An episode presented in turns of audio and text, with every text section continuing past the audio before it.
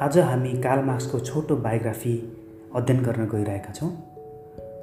Karl मार्क्सको जन्म जर्मनीको एक यहुदी परिवारमा पाँच मार्च सन् अठार सय अठारमा भएको हो। नौवटा सन्तानहरूमध्ये मार्क्स सबैभन्दा जेठा थिए।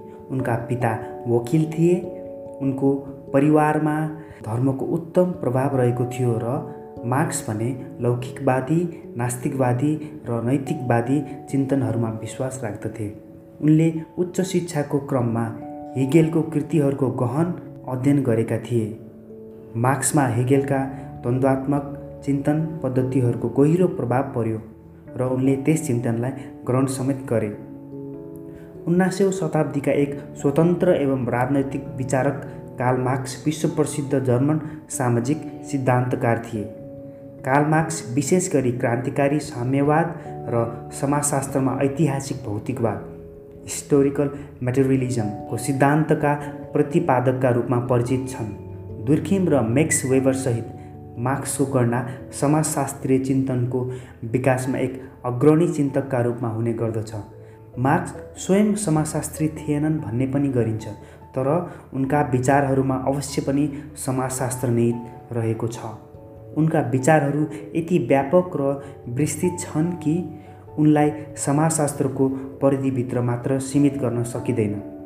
मार्क्सले जर्मनीको हिगेलवाद फ्रान्सको समाजवाद र ब्रिटेनको राजनैतिक व्यवस्था सम्बन्धी विचारहरूलाई सामान्य गरी मार्क्सवाद जस्तो चर्चित विचारधाराको विकास गरेका थिए। मार्क्स धर्मनिरपेक्षित मानवतावाद र नैतिक सिद्धान्तहरूमा आस्था राख्ने चिन्तक थिए।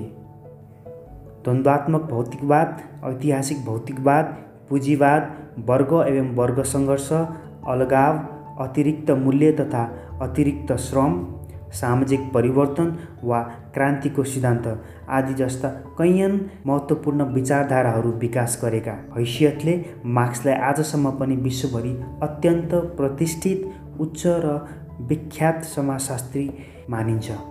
मार्क्सद्वारा लिखित केही पुस्तकहरू निम्न दिइएको छ। पहिलो रहेको छ द जर्मन आइडियोलोजी अठार सय पैँतालिस। दोस्रो द पोभर्टी अफ फिलोसफी अठार सय सडचालिस द कम्युनिस्ट म्यानिफेस्टो अठार सय अडचालिस। The class struggle in France अठार सय पचास। Capital a critic of political economy. यो चाहिँ पाँचौँ थियो र छैठौँ रहेको छ इकोनोमिक एन्ड फिलोसफिकल म्यानुस्क्रिप्ट। सातौँ रहेको छ a contribution to the critic of political economy. र आठौँ रहेको छ the eighteenth Brumaire of Louis Bonaparte. यो त रहेको थियो कार्ल मार्क्स सम्बन्धित छोटो बायोग्राफी र आगामी दिनहरूमा विस्तृत रूपमा चाहिँ कार्ल मार्क्स बारेमा हामी जान्ने प्रयत्न गर्नेछौँ। धन्यवाद।